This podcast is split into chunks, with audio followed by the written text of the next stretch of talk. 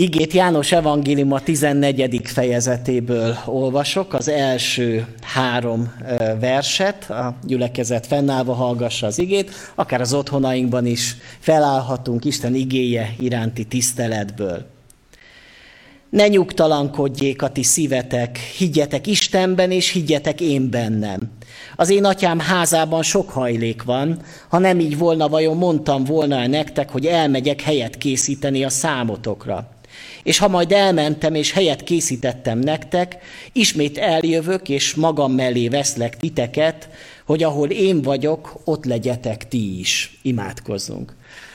Istenünk, köszönjük neked ezt az igét, és köszönjük neked, Úr Jézus, hogy helyet készítettél mindannyiunk számára ott a mennybe, és megvan ez a helyünk, és hiszük azt, hogy ez egy csodálatos hely lesz majd, és most, most bár még olyan homályosan látjuk azt a, a helyet és azt a eseményt, ami történni fog velünk, mikor megérkezünk a túlsó partra, de segíts most nekünk egy picit belepillantani abba a reménységre, amire elhívtál bennünket. Amen.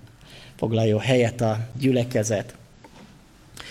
Ugye a Mennyországról és a túlvilági életről beszélni nagyon izgalmas dolog, ugyanakkor meg nagy felelősség, és megmondom őszintén, hogy sok téma van, amihez szívesen fog, hozzáfog egy lelki pásztor, talán ez a téma, amihez nagyon óvatosan merünk hozzányúlni, mert a Biblia sem egyértelműen fogalmaz e, ezzel a témával kapcsolatban. Sok képet látunk, sokféle e, felvillantott e, igazságot látunk, de valahogy nem mindig áll össze ez az egész egy egységes képpé. Azt gondolom, hogy a Biblia író is próbáltak küzdeni azokkal a szavakkal, ahogy hogyan lehet földi nyelvre lefordítani, leírni annak a világnak a dicsőségét, ahová Jézus Krisztus megérkezett, és ahová bennünket is majd e, hazavisz, és ami, a, ami reménységeinknek a,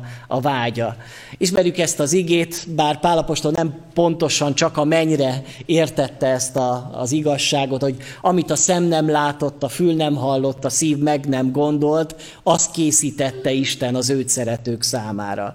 És valóban egy olyan világról kell ma szólni, amit egyikünk sem látott, a fülünkkel nem hallottunk, talán így el se tudjuk igazán képzelni, de valami, amit készített számunkra az Isten. És hát miért kell, hogy foglalkozzunk ezzel a témával, hiszen amikor egyszer vége lesz az életünknek, akkor ebben a világban fogjuk tölteni az örökké valóságig a, a hátralévő életünket, vagy a, az új életünket.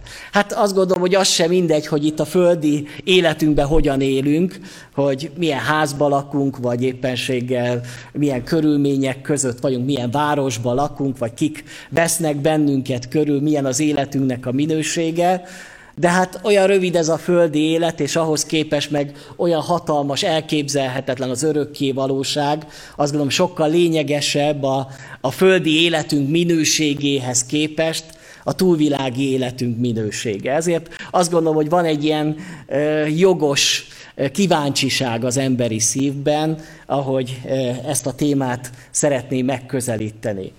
A történelemben a kereszténység mindig is foglalkoztatta ez a téma. Azt gondolom, hogy a, a keresztény művészetnek a jó része az épp ezt a túlvilágot próbálta ábrázolni, hogyha középkori, vagy éppen kora, újkori képeket nézünk, festményeket nézünk, akkor nagyon gyakran ábrázolják a mennyországot, vagy éppen a, a, a poklot, a templomok falain, a freskók is nagy részt a, a túlvilágot ábrázolják, hogyha belépünk például egy gótikus katedrálisba, vagy egy barokk katedrálisba, és fölfelé tekintünk a, a, a plafonra, akkor ott mindig megfestették a megnyílt mennyet, mint hogyha belépve a templomba, angyalok és az Isten trónusa valahol fölöttünk megnyílna, és ránk tekintene. Ugyan mi az imaházunkban nem festünk ilyeneket a falra,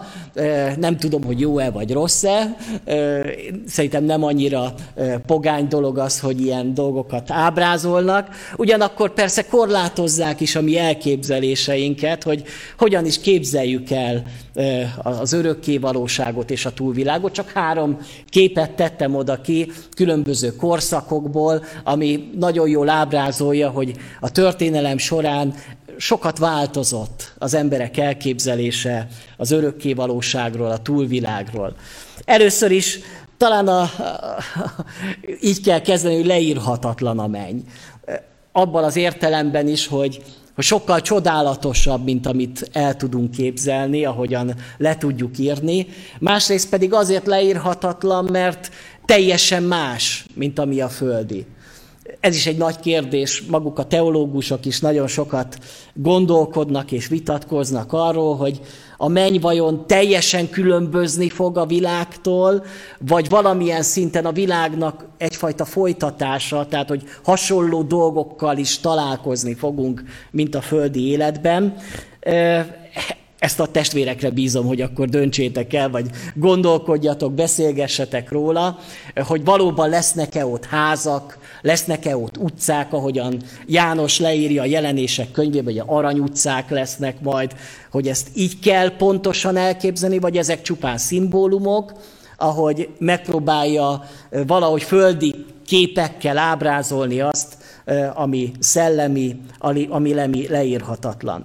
De ugyanakkor ez egy veszély is, hogy leírhatatlannak képzeljük el a mennyországot, mert nagyon sokan azt mondják, hogy ha, ha ennyire elképzelhetetlen a menny, akkor felesleges róla beszélni.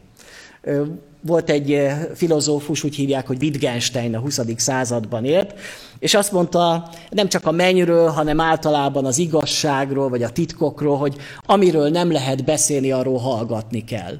Tehát, hogyha nem tudunk beszélni a mennyországról konkrét dolgokat, akkor felesleges róla gondolkodni, álmodozni, akkor hallgassunk róla. Én azt gondolom, hogy jelenleg a kereszténység valami hasonlót él meg. Ugyan nem azt mondom, hogy hallgatunk róla, de lényegesen sokkal kevesebbet beszélünk, mint amennyit a történelmi kereszténység foglalkozott ezzel a témával. Ide ki is tettem ezt a gondolatot, ha mennyire kevés, keveset foglalkozunk a mennyel. Sokkal inkább a, az ige hirdetések, a tanítások, és talán még a, a mi gondolkodásunk és a, amit keresünk vagy olvasunk, azok között is sokkal fontosabbnak tartjuk, hogy az itt és mostot, hogy hogyan éljük meg az életünket, hogyan kezeljük a kapcsolatainkat, hogyan lehetünk valamilyen módon sikeresek, akár a hívő életben, a szolgálatban, Hogyha konferenciákat szervezünk, akkor ezt így megfigyeltem, hogy milyen előadókat hívnak általában konferenciákra, vagy kik azok, akiket, vagy milyen témákat szeretnek feldolgozni konferenciákon. Azt figyeltem meg, hogy nagyon is világi témákkal foglalkozunk, még mi keresztények is. Néha egy-egy ilyen konferencia egy ilyen személyiségfejlesztő tréningnek tűnik számomra, amiben persze van igevers is, meg van biblia is, de jó rép pszichológia, ami nagyon lényeges, meg jó, hogy foglalkozunk vele, hogy hogyan lehetnek jó kapcsolataink, hogyan lehet jó a házasságunk, meg hogyan tudunk konfliktusokat kezelni, meg gyermekeket nevelni. De meggyőződésem, hogy ezekben most jók vagyunk mi egyház, és nem csak a baptista közösségre gondolok, hanem általában az egyházra, hogy ezeket a témákat meg tudjuk ragadni, ezekről tudunk beszélni, erről van üzenetünk, ugyanakkor a túlvilágról, a szellemi valóságról már kevesebbet beszélünk. Azt is mondanám, hogy szinte semmit. Ritkán hallok olyat, hogy egy konferenciának az lenne a témája, hogy, hogy a túlvilág, vagy a mennyország nem is biztos, hogy sokan elmennének, mert azt mondják, hogy hát ez annyira nem is érdekel bennünket, vagy ez annyira nem fontos. Ugyanakkor, hogyha a kereszténység történelmét nézzük, azt látjuk, hogy, hogy sokkal fontosabb szerepet töltött be akár a teológiájában, akár a, az ige hirdetésekben, hogy mit gondolunk az örökké valóságról. A 16. században, vagy 17. században, amikor Jonathan Edwards a nagy amerikai ébredést kirobbantotta, és mondjuk az ő prédikációit, hogyha elolvassuk, akkor szinte kivétel nélkül a mennyországról és a pokorról prédikált. Ez egy nagyon érdekes dolog, hogy úgy indult el az ébredés Amerikában, és úgy kezdtek el emberek megtérni, üdvösségre találni, hogy a mennyről és a pokorról prédikáltak éveken keresztül az embereknek. Nem arról, hogy hogyan kell gyerekeket nevelni, meg hogyan kell családba szépen boldogan élni. Ezek fontos üzenetek, nem, nehogy azt értsék a testvérek, hogy most én ezt így zárójelbe akarom tenni, csak hogy a hangsúly hová került a, a keresztény gondolkodásban és a tanításban. De a Bibliában is azt látjuk, hogy a hitnek a, a hősei, vagy akiket az Isten nagyon tudott használni az ő munkájában, azokat mindig átjárta a mennynek a, a, a reménysége és öröme. Úgy írja a zsidókhoz írt levél, hogy szinte látták a láthatatlan, hogy Mózesről írta, írta hogy szinte látta a láthatatlant. Ábrahám, aki, aki még nem látta, de remélte, hogy azt az országot majd ő meg fogja látni. És ezért az Isten nem szégyelte, hogy őt ö, gyermekének nevezze, mert hogy erre, a világra vágyott. És valóban azt látjuk, hogy akár Jézus tanításának a, a középpontjában ott áll az örökké valóság, a túlvilág, a mennyek országa, örökösen a mennyek országáról tanított Jézus, de Pálapostól is sokkal fontosabbnak tartotta az örökké valóságot, az örök életet, mint ezt a világot. Érte kárba is veszni hagytam mindent, mert az élet nekem Krisztus és a meghalás nyereség, és nekem sokkal jobb lenne már elköltöznöm és oda át lennem, mint hogy itt legyek e földi életben. Valahogy így gondolkodtak a, a hitnek az emberei, és hogyha ma olvassuk ezeket a, a bizonyságtételeket, akkor egy picit úgy idegennek érezzük magunktól. Mert persze mi is azt mondjuk, hogy mi is vágyunk már a mennybe. De azért még nem most, ugye? Tehát néha én is így megszoktam magamba fogalmazni, hogy vágyok én a mennybe, csak Istenem még nem most, még azért majd, ha 90 éves leszek, vagy 100, akkor majd már, ugye már, ha nem tudok már járni se, vagy beszélni se, akkor már mehetek, de még szeretnék még itt lenni. És valahogy szerintem természetes, hogy így érezzük, de ugyanakkor persze kérdés, hogy ott van-e még a mai keresztényeknek a szívében a vágy, a menny után, a mennynek a dicsősége után, ami vár ránk, amit Jézus Krisztus készített az őt, őt szeretőknek, ahogyan búcsúzott itt ebben a, az igeversben a János evangéliumában Jézus, hogy elmegyek, hogy helyet készítsek számotokra. Tehát Jézus nem csak azért jött el a világba, hogy itt a földi életünkben úgy szép életünk legyen, hanem elsősorban azért jött el Jézus a világba, azért halt meg a kereszten, hogy nekünk örök életünk legyen. És ez az örök élet, ez a, a túlvilági élet, azt, amit a, a, a mennyországban fogunk tölteni. Ezért én azt mondom, hogy jó, hogyha ma is, a mai élő keresztények is gondolkodnak erről a témáról.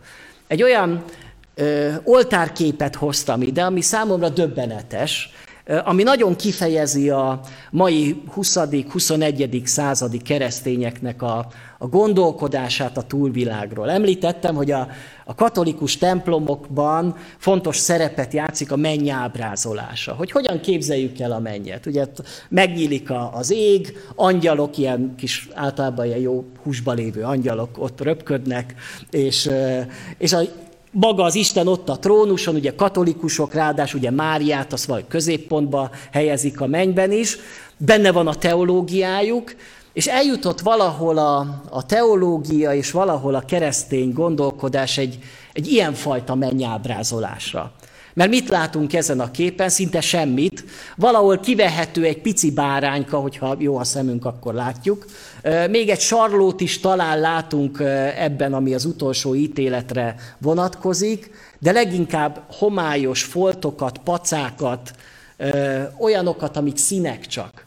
Mit akart ábrázolni ezzel, a, aki készítette ezt a képet, egy Georg Meistermann nevű festő, hogy körülbelül ennyit tudunk a mennyről. Ami csak egy abstrakció, egy, egy olyan világ, ami, ami teljesen homályos, és csak ilyen elképzelhető, ilyen képeket, fényeket látunk, de már, már nincsenek emberek, már nincsenek ö, angyalok, már csak egy, egy bizonytalan valami van ott fölöttünk. És sajnos a mai élő ember, még sokszor a keresztények is így vannak a mennyel. Éppen Németországban, ahol egyébként készült ez a festmény, ott kérdezték meg az embereket arról, gyülekezetbe járó embereket arról, hogy hisznek-e a, a mennyországba. És döbbenetes volt, hogy a katolikusoknak kb. 50% azt mondta, hogy hiszünk. Ugye miért döbbenetes, hogy a gyülekezetbe jár, és csak 50%-a hisz abba, hogy van egy mennyország. De a legdöbbenetesebb, hogy a protestánsoknak körülbelül 30%-a mondta csak, hogy hisz a mennyországba. Remélem, hogy nálunk azért jobb az arány. Legalább a jelenlevők meg a, a gyülekezetünk tagjai között, és hogyha felmérést végeznék, akkor nem az derül ki, hogy a fél gyülekezet nem hiszi, hogy van menny. És csak úgy gondoljuk, hogy ez valami vigasztaló üzenet, amit a temetésen úgy el kell mondani. Hanem, hogy hisszük azt, hogy ez a, ez a világ, amit most még nem látunk, amit most még csak hallomásból tudunk, az létezik. És mi abba a világba fogunk majd belépni. És még egyszer mondom, hogy ennek a következménye, hogy a kereszténység egyre inkább megfeledkezik, vagy nem hisz igazából a túlvilágban, egyre inkább az evilági élet lesz a keresztény teológiának a, a, a területe. És ezt látjuk sokszor, ahogy említettem, a, a prédikációkban, a konferenciákon, a könyvkiadásban. Nézzék meg a testvérek, hogy vajon milyen keresztény könyvek jelentek meg az elmúlt tíz évben. És azt látjuk, hogy a keresztények közül szerintem a 50% az pszichológia könyv. Ahol néha szerepel azért Jézus, meg Isten is, mert csak keresztény pszichológusok írták, de hol van benne a menny? Hol van benne a túlvilág? Már erről nem írunk könyveket, mert lehet, hogy nem is olvasnák, vagy nem hinnénk benne. Ezt csak azért mondom, hogy, hogy lássuk ezt a csapdát, hogy egy olyan világban élünk, amelyik elfeledkezett erről a dimenzióról. És nekünk újra fel kell fedeznünk, újra rá kell találnunk a mennyre. Hát honnan szerezhetünk valamilyen hiteles információt a mennyről?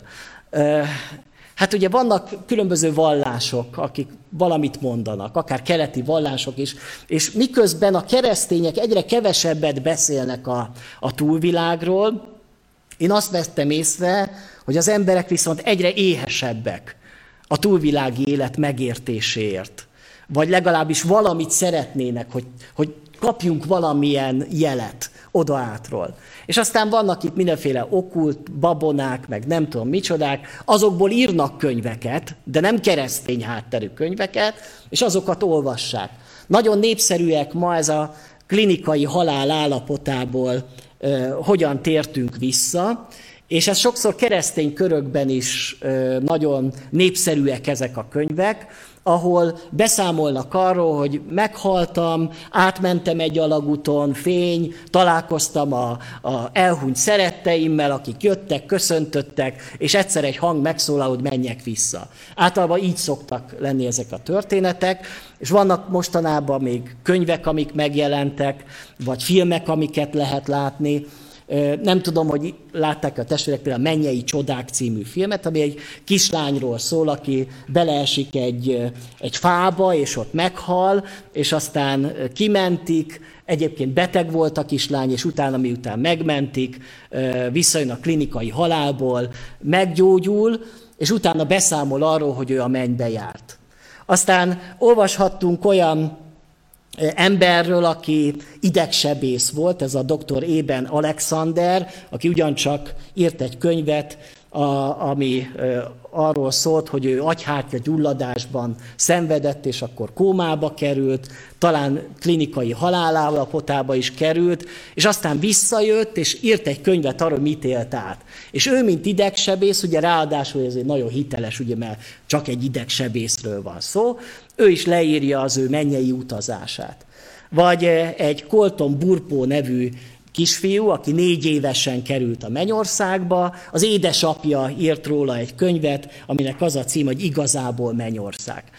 Lehet, hogy mi találkoztunk már ezekkel a könyvekkel, filmekkel, talán beszélgettünk is már erről emberekkel. A kérdés az, hogy ezek hitelesek-e, vagy hogy kell-e ez alapján nekünk elképzelnünk a túlvilágot és a mennyországot. Én azt mondom, hogy ezek mind valahol egy, egy ilyen űrt próbálnak kitölteni. Ahogy említettem, hogy a, az egyház elkezdett, vagy, vagy elfelejt, elfeledkezett a mennyről beszélni, az emberekben ott a szükség, és ezt próbálják kitölteni ezek a beszámolók.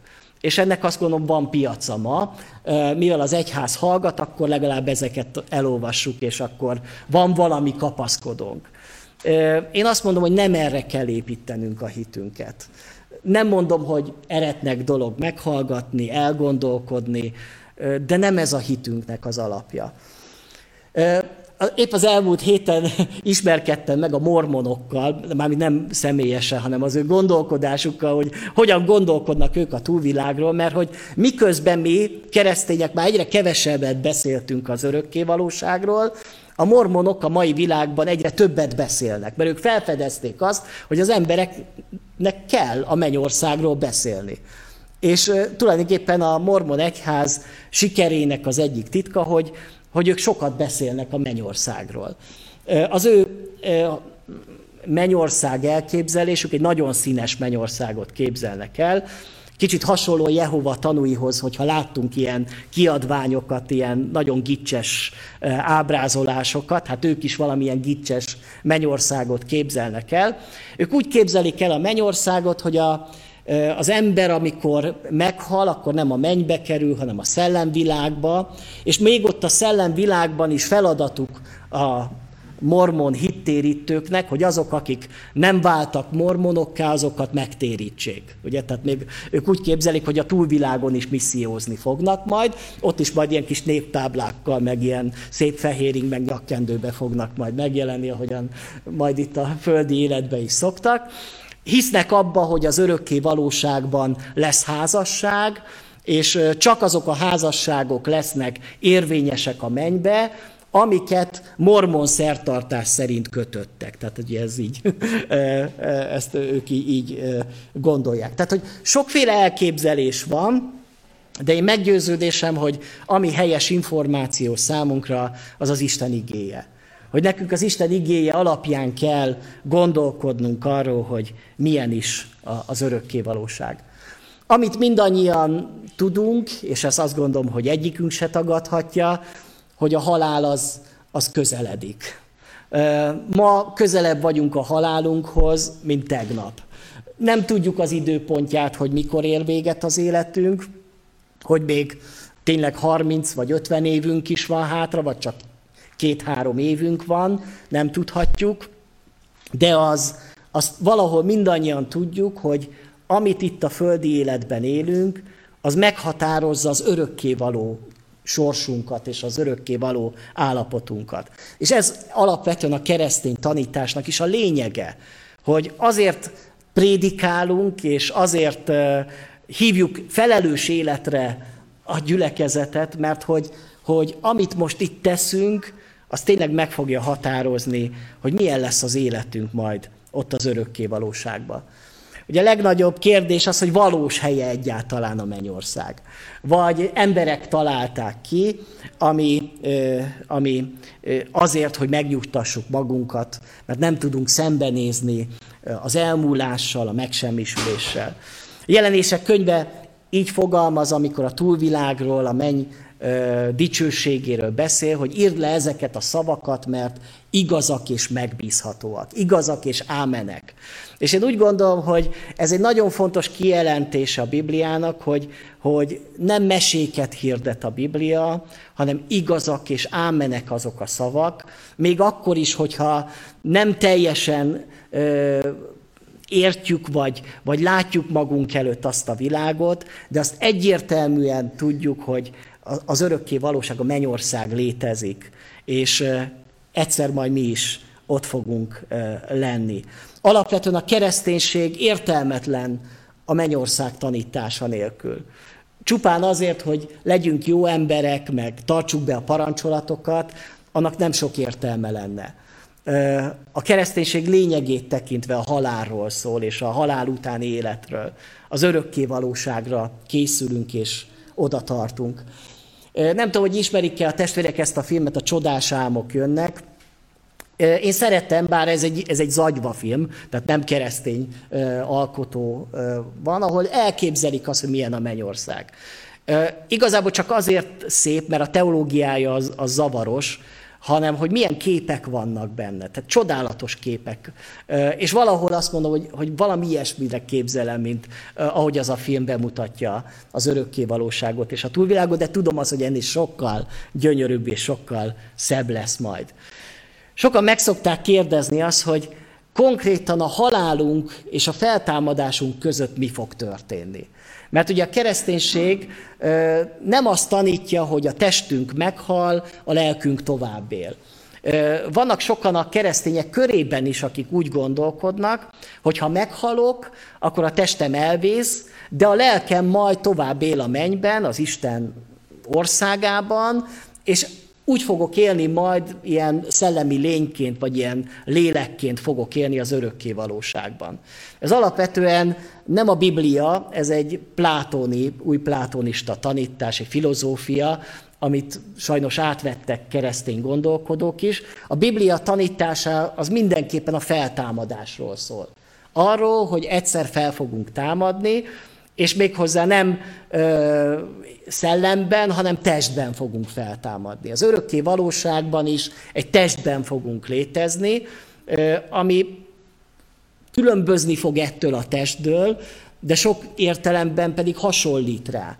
Olyan hasonlóvá leszünk, mint ami ennek Jézus teste is volt a feltámadása után, az is egy látható test volt, megtapintható test volt, egy valóságos test volt, és nem csak egy látszat teste volt Jézus Krisztusnak. Ugyanakkor meg egy csodálatos test. És akkor nagy kérdés az, hogy akkor mi van a, a halálunk és a feltámadásunk között? Mert akár évezredek is eltelhetnek a földi idő szerint, hogy meghalok, és eljön úgymond a Jézus Krisztus visszajövetele, hogy feltámadnak a Krisztusban elhunytak. Ugye alapvetően a zsidók gondolkodás, vagy az Ószövetség gondolkodása szerint a halottak azok mindegy egy Seol nevű helyen tartózkodnak. Ez a halottaknak a helye. Az a hely, ahol tulajdonképpen együtt van minden halott, és majd onnan jönnek elő azok, akik majd feltámadnak. A kereszténység ezt a Seol helyet még valamilyen módon ö, ketté osztotta, és az egyik részét úgy nevezzük, hogy paradicsom. Jézus is azt mondja, még ma veled leszek a paradicsomba, de a paradicsom az nem azonos a mennyel, a halottak végső helyével, hanem egy másik hely, valahol a, a Seolban, ami el van különítve már a, az elkárhozott lelkektől. Tehát, hogy van egy olyan időszak a halálunk után, amit valószínűleg egy várakozással fogunk tölteni, de ne úgy gondoljuk, mint a, amikor mondjuk egy orvosi rendelőben várakozunk arra, hogy végre behívjanak bennünket, és akkor ott vagyunk több száz éven keresztül, és ott várakozunk, vagy mint amikor sorba állunk mondjuk valahol a pénztárnál, és ott nagyon nem szeretjük. Tehát nehogy így képzeljük el, hogy ha halálunk után valami nagyon unalmas és nagyon rossz időszak következik, mert ez a hely is már egy, egy gyönyörűséges hely. De ez még nem a végső állapota lesz majd a, a halál utáni létezésünknek, hanem a végső helyünket azt, azt majd a feltámadásunk után fogjuk elfoglalni. Ugye a katolikus gondolkodás az, azért kiszínezi ezt a köztes világot, ugyanis ők azt mondják, hogy e, ilyenkor létezik egy purgatórium nevű hely, ahol még a halottnak a sorsa még nem dőlt el. Tehát onnan még lehet föl is, meg lefelé is menni, és éppen ezért kell érte imádkozni, meg különböző szentségeket bemutatni, és akkor, hogyha eleget imádkozunk érte, akkor majd ő majd fölfelé fog menni, és nem lefelé. Ugye mi ezt nem hisszük, tehát hogy mi nem hiszünk ebbe, hogy a, a halottnak bármiféle ö, állapotán mi tudnánk segíteni, hanem abban a pillanatban, hogy meghaltam, azzal eldőlt az örökké való sorsom hogy hová fogok kerülni. Azon már nem lehet változtatni.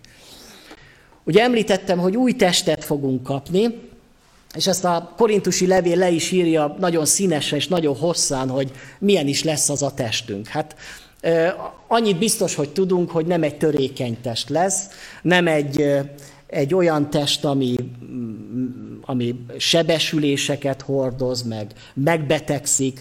Hát az örökké valóságban nem lesznek vírusok. Tehát ezt szeretném ugye elmondani a testvéreknek, megnyugtatású, hogy lehet, hogy itt az egész életünket maszkban, meg, meg távolságtartással töltjük, de az új testünk az olyan gyönyörűséges és csodálatos lesz, hogy az nem lesz az a koronavírus, amelyik meg tudná fertőzni, hanem az egy, az egy dicsőséges, tökéletes, romolhatatlan, erős test lesz majd.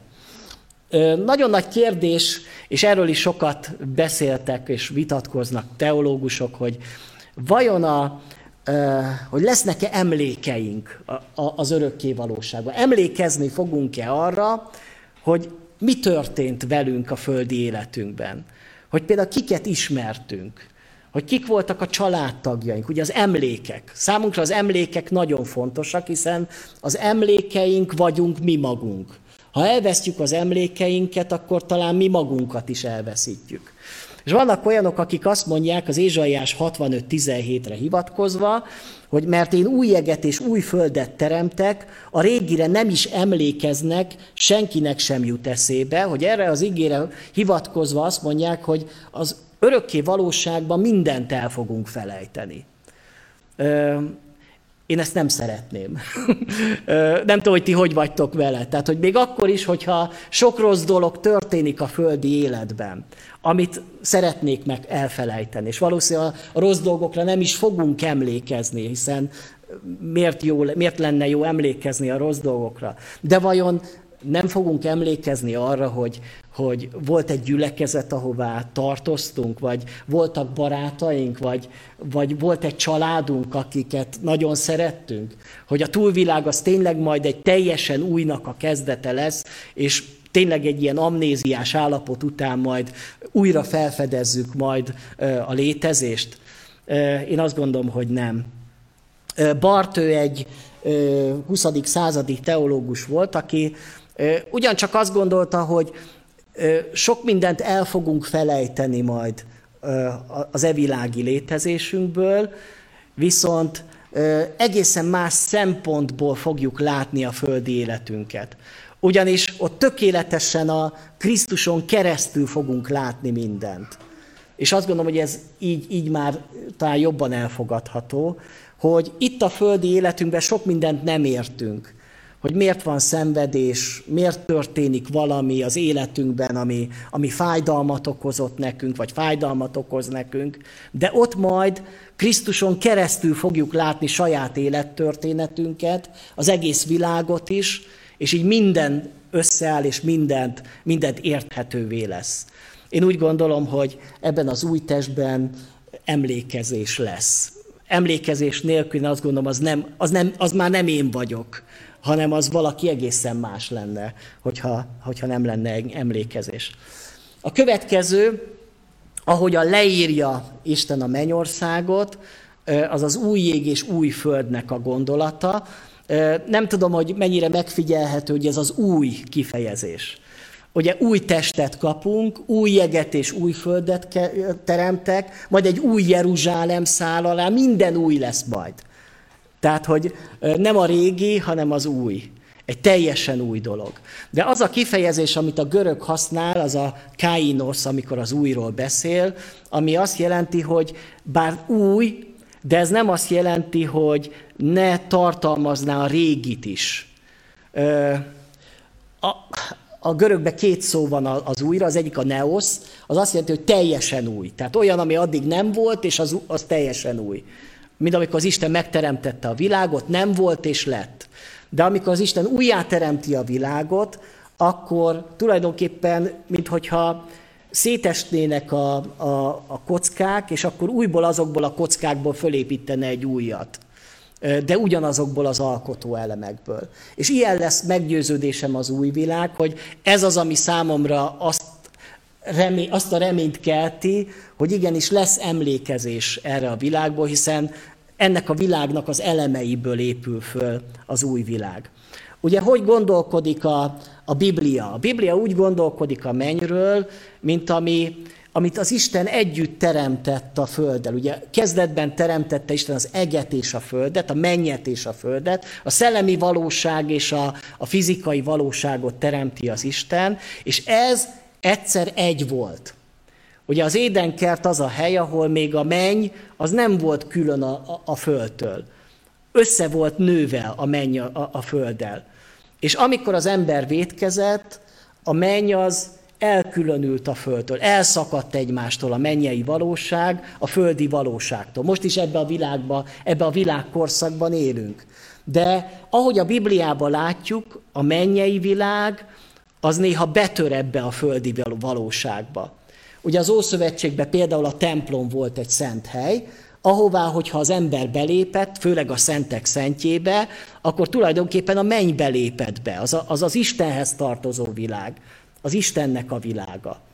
Nem véletlenül a templomot úgy, vagy nézzék meg a testvérek, hogy hogyan kellett kifesteni a templomot, milyen ábrázolások voltak, az mind a mennyről szólt. Tehát aki belépett a Salamon templomába, az mintha a mennynek a templomába lépett volna bele.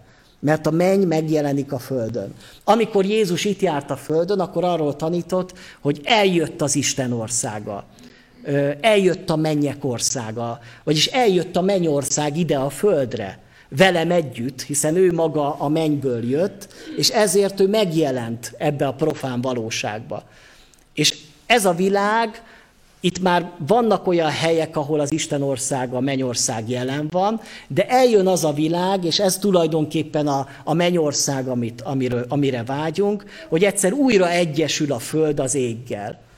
És ez a, jelenések könyvének a, a befejezése, hogy új jeget és új földet teremtek, hogy ez a új ég és új föld, ez, új, ez nem különül egymástól, hanem egy lesz.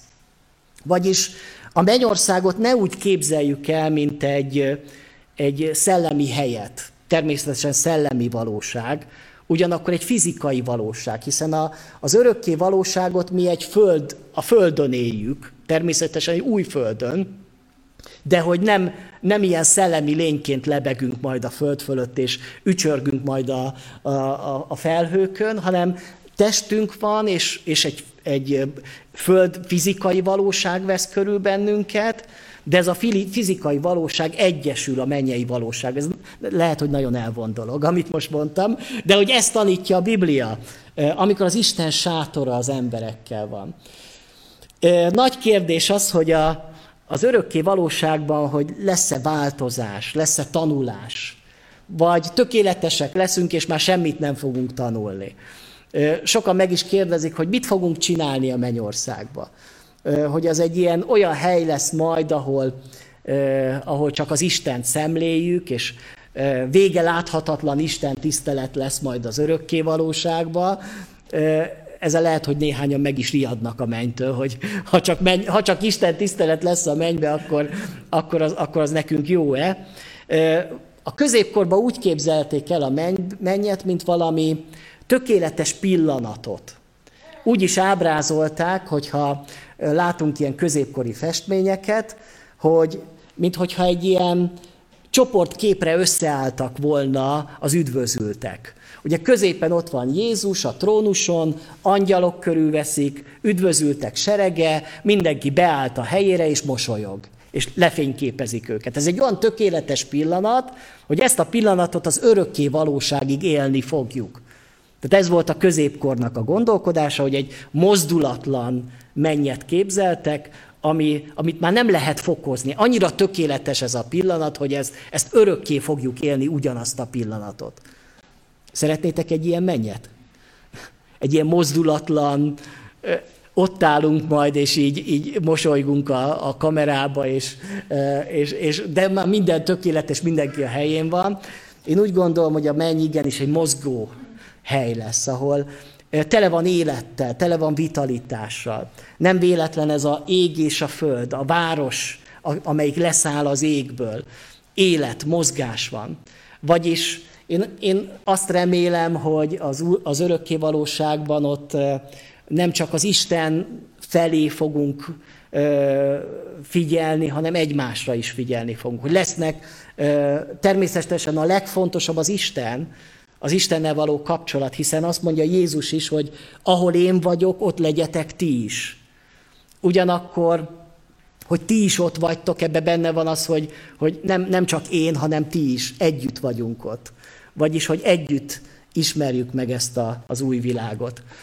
Az új Jeruzsálem, ugye ez megint csak egy ilyen szép elképzelés, ugye Jeruzsálem egy alászáll az égből, vagyis leereszkedik ugye a mennyei a föld, összekapcsolódik a föld, és ez egy olyan tökéletes, hatalmas nagy város, ugye a jelenések könyve óriásinak írja le ezt a várost, ahol ugye aranyutcák lenne, lesznek dicsőséges lesz ez az egész, és ebben a világban fogunk majd létezni, ebben a tökéletes világban és valóságban.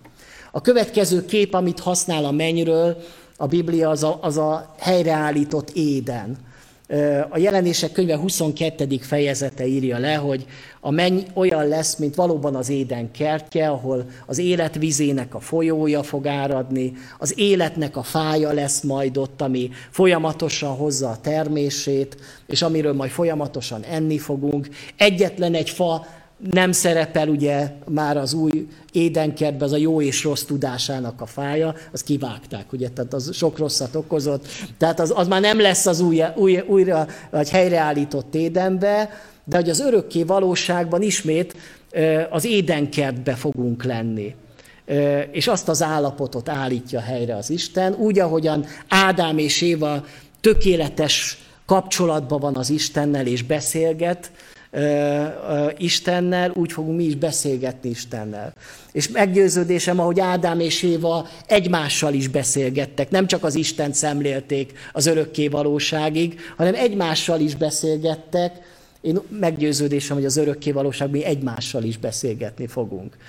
Hogy lesz szerepe majd az emberi kapcsolatoknak.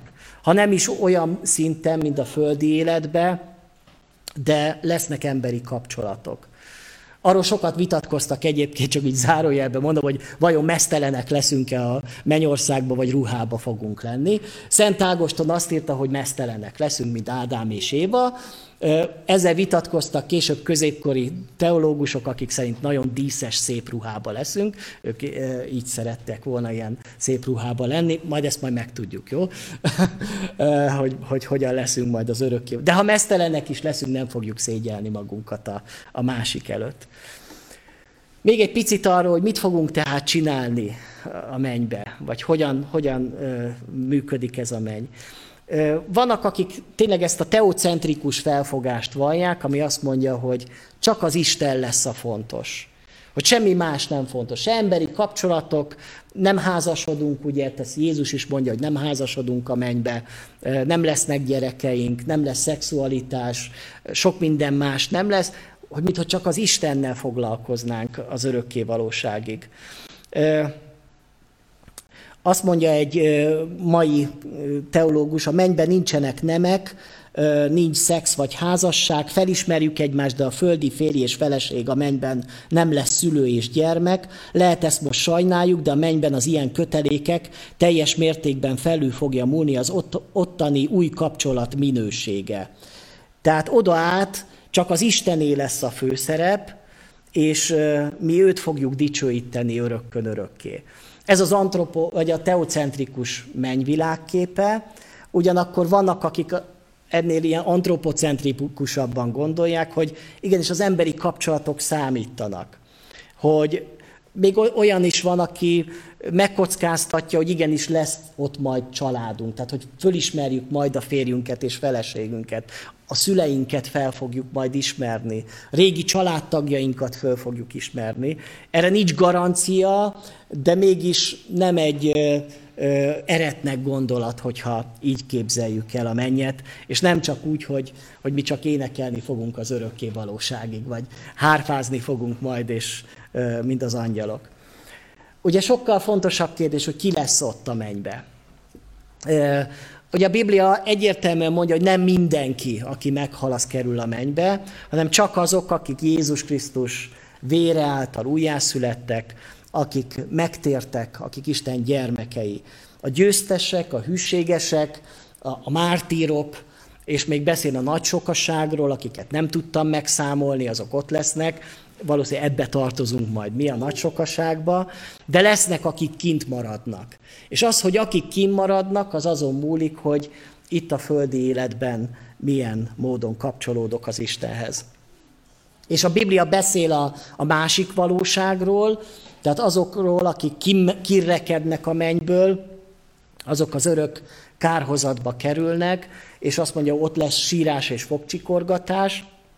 A sátán is gyötrődik ott éjjel és nappal, és a lényeg az, hogy ezt a világot ne ismerjük meg, jó? És igyekezzünk, hogy másokat is ettől elrettentsünk. Most befejezem, és ö, tényleg csak szeretném azt meg, megerősíteni, hogy, hogy sok mindent nem tudunk. Sok mindent fantáziálunk.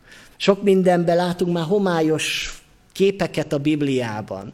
De az mindenképpen fontos, hogy, hogy egy tökéletes hely lesz az az örökké valóság, ahová, ahová érkezünk. Ahol már most ott van Jézus, és ahová most nekünk már helyet készített. A kérdés az, hogy ott leszel-e már te is? Hogy számodra is, te is már elfoglaltad-e azt a helyet, vagy elfogadtad-e azt a helyet, amit ő kínált számodra? Hát én kívánom azt, hogy, hogy, hogy mindannyian majd egyszer megérkezzünk, és kívánom azt, hogy és szeretném, hogy megismerjük egymást, és majd akár erről az estéről is tudunk majd beszélgetni, hogy micsoda sok badarságot mondtam én a szószékről arról, hogy milyen lesz a menny, mert hogy annál sokkal szebb és sokkal dicsőségesebb, mint amit, amit én, amiről én beszéltem. És e, tényleg szeretném, hogyha, hogyha nem feledkeznénk el erről a erről az igazságról, hogy ne csak a földi dolgokkal foglalkozzunk, akár, akár gyülekezetileg, akár a tanításunkban, hanem legyen mindig előttünk az, az a cél, amit Jézus Krisztus adott számunkra, és ez a mennynek a, a, a dicsősége és annak az elhívása. Akinek van imádság a szívén, most csendesedjünk el és imádkozzunk.